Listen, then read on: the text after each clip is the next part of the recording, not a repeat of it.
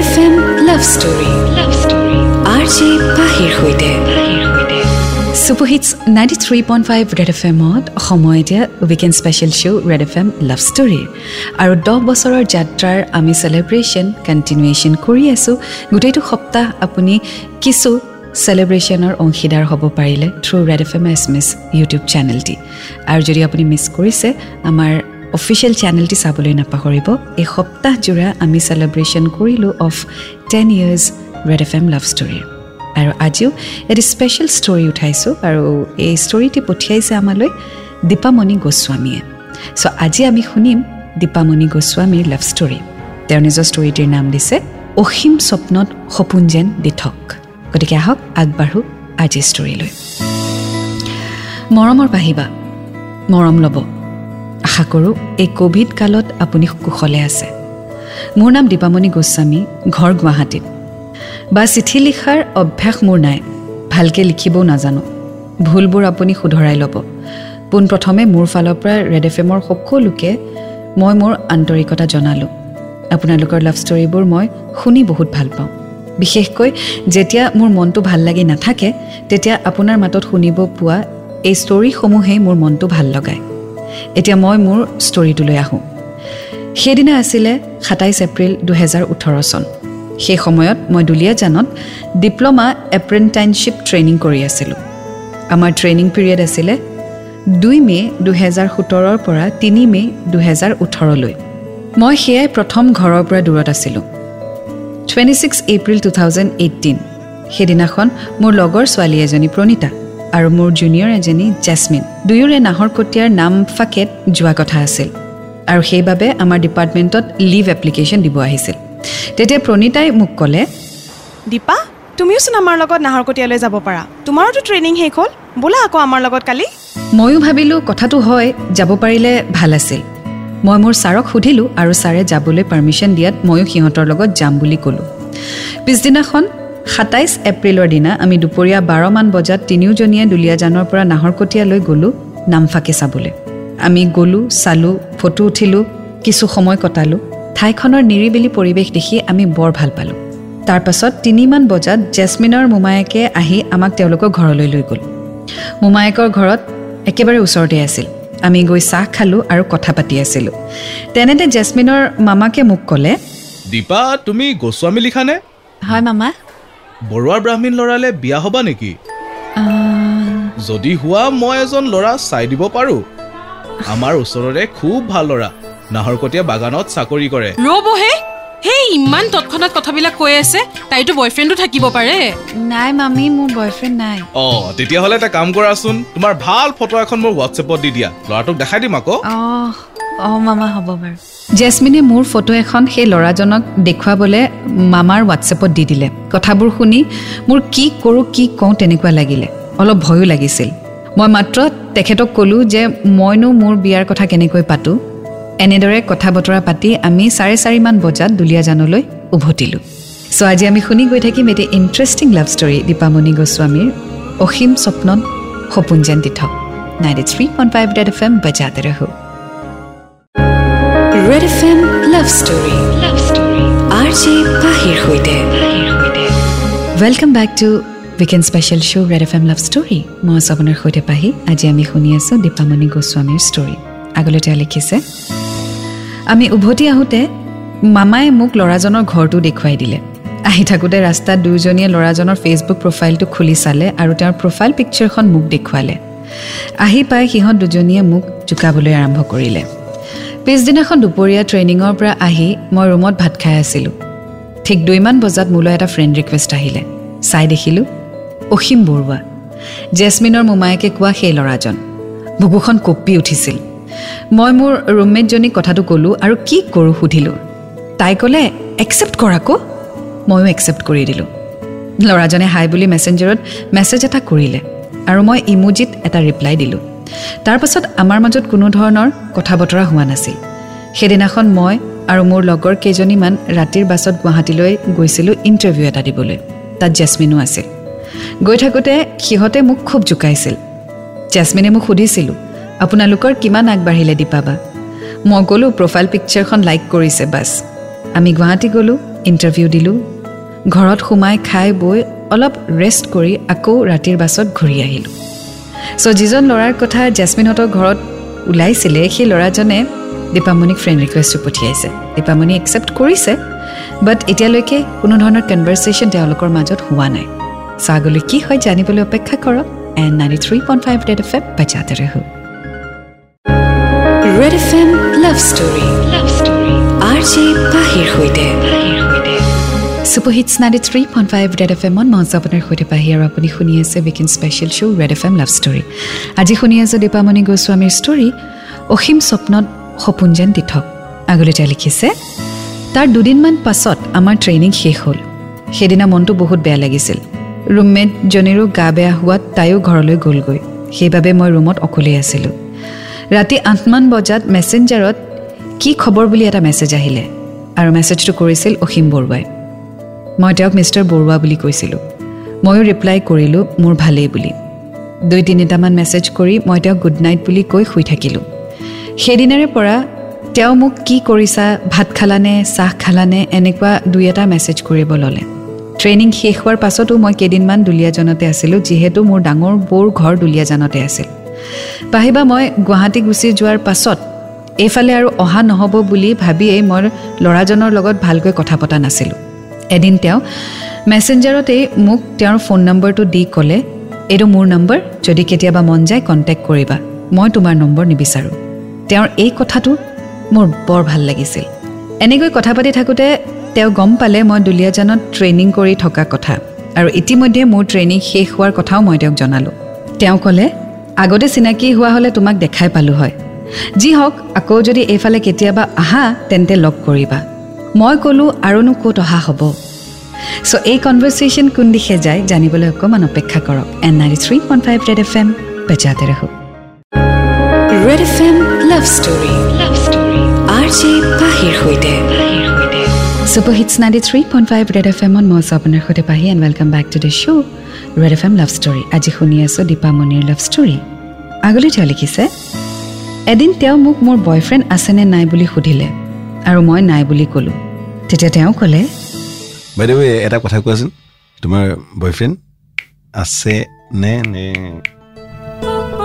মোৰ বয়ফ্ৰেণ্ড নাই। আপোনাৰ গাৰ্লফ্ৰেণ্ড আছেনে?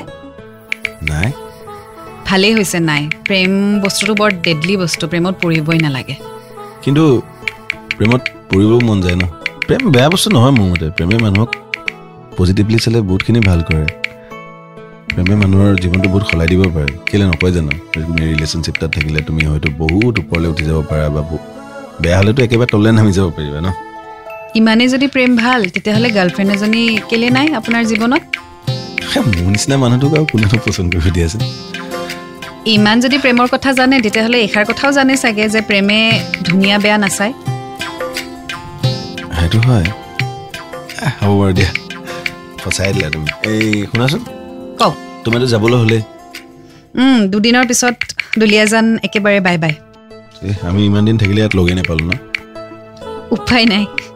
ঠিক আছে কেতিয়াবা লগ পামতো।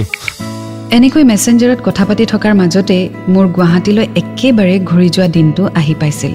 ইতিমধ্যে মা দেউতাই মোক নিবলৈ দুলীয়াজানো আহি পাইছিল। পিছদিনা আমি ভাদৈ পাঁচালি ফুৰিব গ'লোঁ বৌৰ ডাঙৰ বাৰ ঘৰত। দিনৰ একমান বজাত তেওঁ মোক কি কৰি আছোঁ বুলি মেছেজ কৰিলে। আৰু মই বাহঁতৰ ঘৰত ফুৰিব আহিছোঁ বুলি ক'লোঁ। কথাৰ মাজতে মই তেওঁক সুধিলোঁ পিছে যোৱাৰ আগতে আপোনাক উপহাৰ এটা দি থৈ যাওঁ বুলি ভাবিছোঁ? কি বা উপহাৰ? ফোনটো লগতে আছে চাগে। হোৱাটছএপটো চাওকচোন। ৱাও এইটো এইটো কি তোমাৰ হোৱাটছএপ নাম্বাৰ এইটো মোৰ WhatsApp number thank you finally যে নাম্বাৰটো দিলা। অ'কে মেছেজ কৰিম। চিয়'ৰ ঠিক আছে ভালকৈ যাবা। বাই। বাই। তেওঁ মোৰ নম্বৰটো পালে আৰু বহুত হেপ্পী হৈ গ'ল। পিছদিনা মই মা দেউতাৰ লগত গুৱাহাটী গুচি আহিলোঁ। তেওঁ চি অফ কৰিব আহিম নেকি বুলি সুধিছিলে মই নালাগে বুলি ক'লোঁ। ঘৰত গৈ আমি অলপ বেছিকৈ মেছেজত কথা পাতিব ল'লোঁ।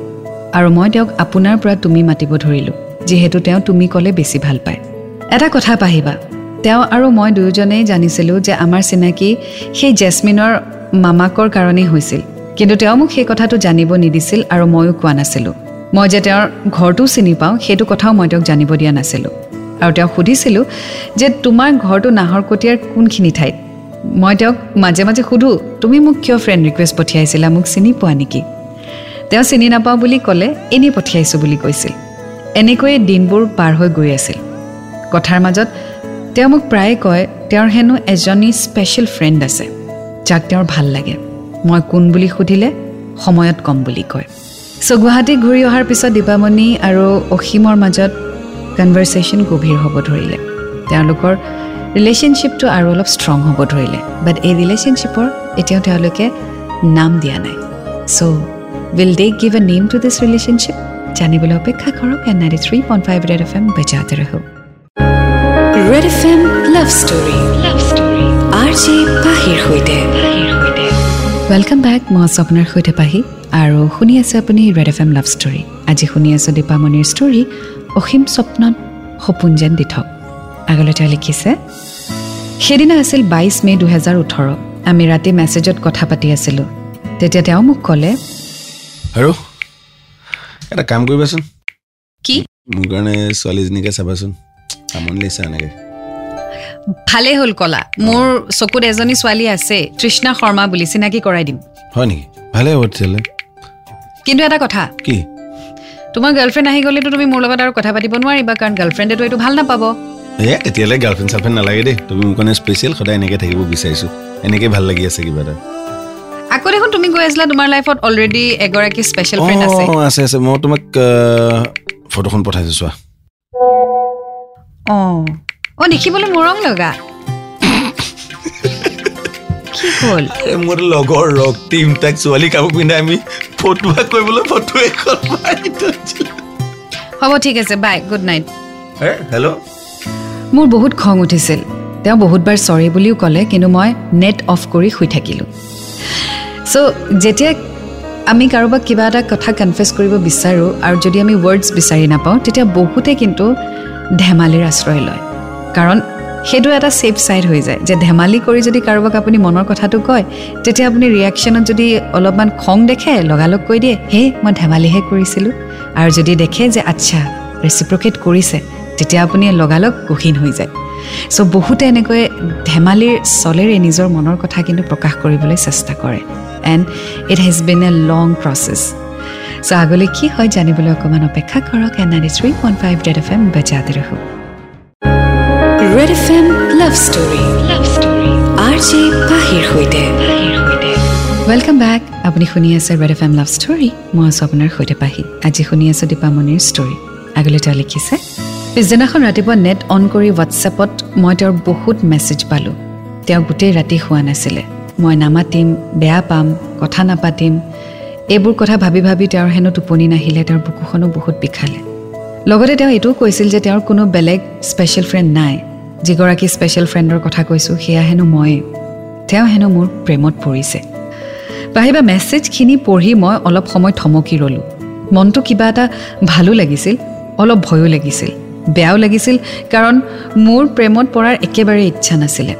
মই তেওঁৰ মেছেজৰ ৰিপ্লাই দি ক'লোঁ তুমিতো মোক ভালকৈ চিনিও নোপোৱা আজিলৈ দেখাও নাই কথাও পতা বেছি দিন হোৱা নাই ভাল পালাইনে? মইতো আন কাৰোবাক ভাল পাব পাৰোঁ। আৰু সেই মেছেজৰ ৰিপ্লাইত তেওঁ ক'লে মই তোমাক ভাল পাওঁ বাবে ভাল পাওঁ বুলি কৈছোঁ।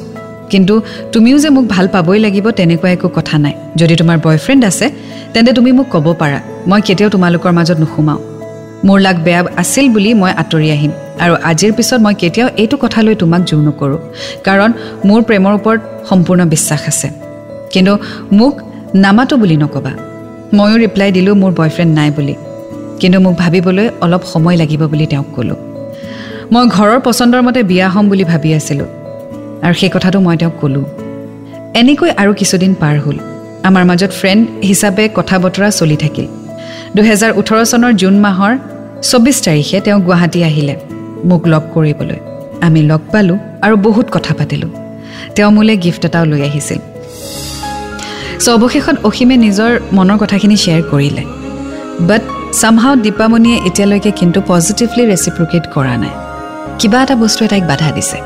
চ' আগলৈ কি হয় জানিবলৈ অপেক্ষা কৰক and ninety three point five Red F M বজাতে ৰহো Red F M love story. Love story. R J পাহিৰ সৈতে। Ninety three point five Red F এমত মৎস আপোনাৰ সৈতে পাহি আৰু আপুনি শুনি আছে weekend special show' Red F M love story. শুনি আছে দীপামণি গোস্বামীৰ ষ্টৰী অসীম স্বপ্নত সপোন যেন তীৰ্থক আগলৈ তেওঁ লিখিছে পিছদিনা তেওঁ ঘৰলৈ উভতি গ'ল। নেজানো কিয় সেইদিনা মনটো খুব বেয়া লাগিছিল। তেওঁক লগ পাই ভাল লাগিল। ল'ৰাজন বহুত ভাল। ফ্ৰেণ্ড হিচাপে মই তেওঁক সকলো কথাই শ্বেয়াৰ কৰিছিলোঁ তেওঁ কৰিছিল আৰু পাহিবা দ্বিতীয়বাৰ তেওঁ মোক কেতিয়াও সোধা নাছিল তুমি মোক কিয় ভাল নোপোৱা? বুলি। মই এদিন তেওঁক ক'লোঁ যদি তোমাক মোৰ মা দেউতাই পচন্দ কৰে আৰু তেওঁলোকৰ কোনো আপত্তি নোহোৱাকৈ মোক তোমাৰ লগত বিয়া দিয়ে তেন্তে মই তোমাৰ লগত বিয়া হ'ম। তুমি আমাৰ ঘৰত আহি মোৰ দেউতাৰ লগত কথা পাতি চাব লাগিব।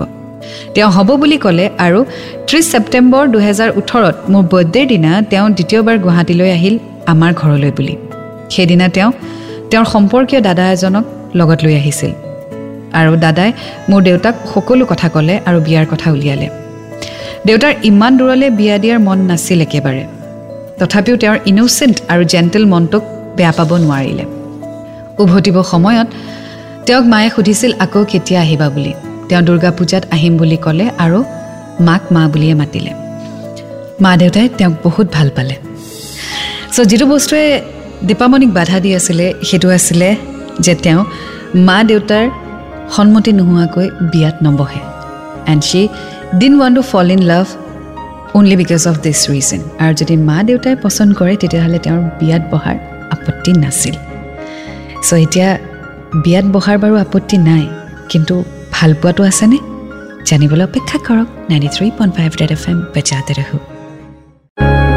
Red F M love story love story R J পাহিৰ সৈতে।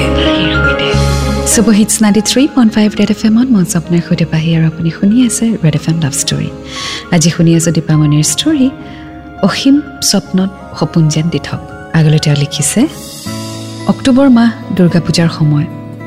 নৱমী পূজাৰ দিনা পূজা চাই আহি মই ৰাতি তেওঁক ক'লোঁ মোৰ তোমাৰ লগত এটা কথা আছে। তেওঁ কি বুলি সোধাত মই ক'লোঁ? ময়ো তোমাক ভাল পাই পেলাইছোঁ। কথাটো শুনি তেওঁ বহুত বেছি সুখী হ'ল। এনেকৈয়ে সময়বোৰ পাৰ হ'ল। আমাৰ ৰিলেশ্যনশ্বিপ খুব ধুনীয়াকৈ চলি থাকিল। তেওঁ যেতিয়াই মোক লগ কৰিবলৈ গুৱাহাটী আহে আমাৰ ঘৰলৈকে আহে যিহেতু ঘৰত সকলোৱে আমাৰ কথাটো জানিছিল। তেওঁক আমাৰ ঘৰৰ সকলোৱে বহুত ভাল পায়। মোৰ বায়েতো তেওঁক নিজৰ ভাইটিৰ নিচিনা মৰম কৰে। তেওঁ সকলোকে মই এক্সপেক্ট কৰাতকৈ বহুত বেছি মৰম আৰু সন্মান কৰে। মই বহুত সুখী আমাৰ ৰিলেশ্যনশ্বিপটোক লৈ। তেওঁ সঁচাকৈ ভাল ল'ৰা। তেওঁৰ নিচিনা এজন প্ৰেমিক পোৱাটো লাকৰ কথা। আমাৰ কাজিয়াও নহয়। তেওঁৰ খঙেই নুঠে মোৰ ওপৰত কেতিয়াও। পাহিবা আমাৰ ভালপোৱাই এতিয়া তিনি বছৰ কমপ্লিট কৰিলে আৰু যোৱা ওঠৰ জানুৱাৰী দুহেজাৰ একৈছত আমাৰ বিয়াও হৈ গ'ল। তেওঁক মোৰ হাজবেণ্ড হিচাপে পাই মই বহুত সুখী। আমি দুয়োটাই এটাই আনটোৰ লগত বহুত সুখী। আশীৰ্বাদ কৰিব পাহিবা আমি যেন সদায় এনেকৈ থাকিব পাৰোঁ। উজনিৰ ফালে আৰু কেতিয়াও অহা নহ'ব বুলি ভাবি এতিয়া মই নাহৰ কটীয়াৰ বোৱাৰী হ'লোঁ। ভাবিলে আচৰিত লাগে। তেওঁ মোক মৰমতে জানমণি বুলি মাতে আৰু মই তেওঁক মো বুলি মাতোঁ। মো মই তোমাক বহুত বেছি ভাল পাওঁ। তুমি সদায় মোৰ লগত এনেকৈ থাকিবা দেই। এয়া আছিলে পাহিবা মোৰ লাভ ষ্টৰী কি লিখিলোঁ কিমান ভুল হ'ল নাজানো। আপুনি শুধৰাই ল'ব বুলি আশা কৰিলোঁ আৰু আপোনাৰ মিঠা মাতত মোৰ ষ্টৰীটো শুনিবলৈ হেঁপাহেৰে বাট চাই ৰ'লোঁ। শেষত আপোনালোক সকলোকে ধন্যবাদ জনালোঁ। আমাক ইমান সুন্দৰ এটা প্লেটফৰ্ম দিয়াৰ বাবে। আপোনালোকৰ শ্ব'টিৰ দীৰ্ঘায়ু কামনা কৰিলোঁ। এতিয়া আপোনাৰ মৰমৰ ভণ্টি Dipamoni Goswami. Dipamoni thank you so' much তুমি তোমাৰ ষ্টৰী আমাৰ সৈতে শ্বেয়াৰ কৰিলা আৰু মইতো একো ভুল বিচাৰি নাপালোঁ। ইনফেক্ট বহুত সন্মান আৰু ভালপোৱা বিচাৰি পালোঁ তোমাৰ এই ষ্টৰীটি আৰু আশা কৰোঁ দুয়োৰে জীৱন খুব সুন্দৰকৈ পাৰ হয়। And wish you both a very very happy married life congratulations once again so' এয়া আছিলে আজিৰ ষ্টৰী অসীম স্বপ্নত সপোন যেন দি থক আপুনি আপোনাৰ ষ্টৰী পঠিয়াই থাকিব। ভিডিঅ'টিৰ শেষত আপুনি ঠিকনাটি পাব। নতুবা red F M S miss আমাৰ লাভ ষ্টৰীৰ যিকোনো এটা ভিডিঅ'ৰ ডেছক্ৰিপশ্যনত আপুনি ঠিকনাটি পাব চিঠি লিখি পঠিয়াই দিব আৰু আপোনাৰ ষ্টৰী মই ব্ৰডকাষ্ট কৰিবলৈ চেষ্টা কৰিম। আৰু এটা নতুন ষ্টৰীৰ সৈতে আকৌ লগ পাম। Until then to fall in love it's a great feeling you will get to learn a lot and always remember I love you ninety three point five red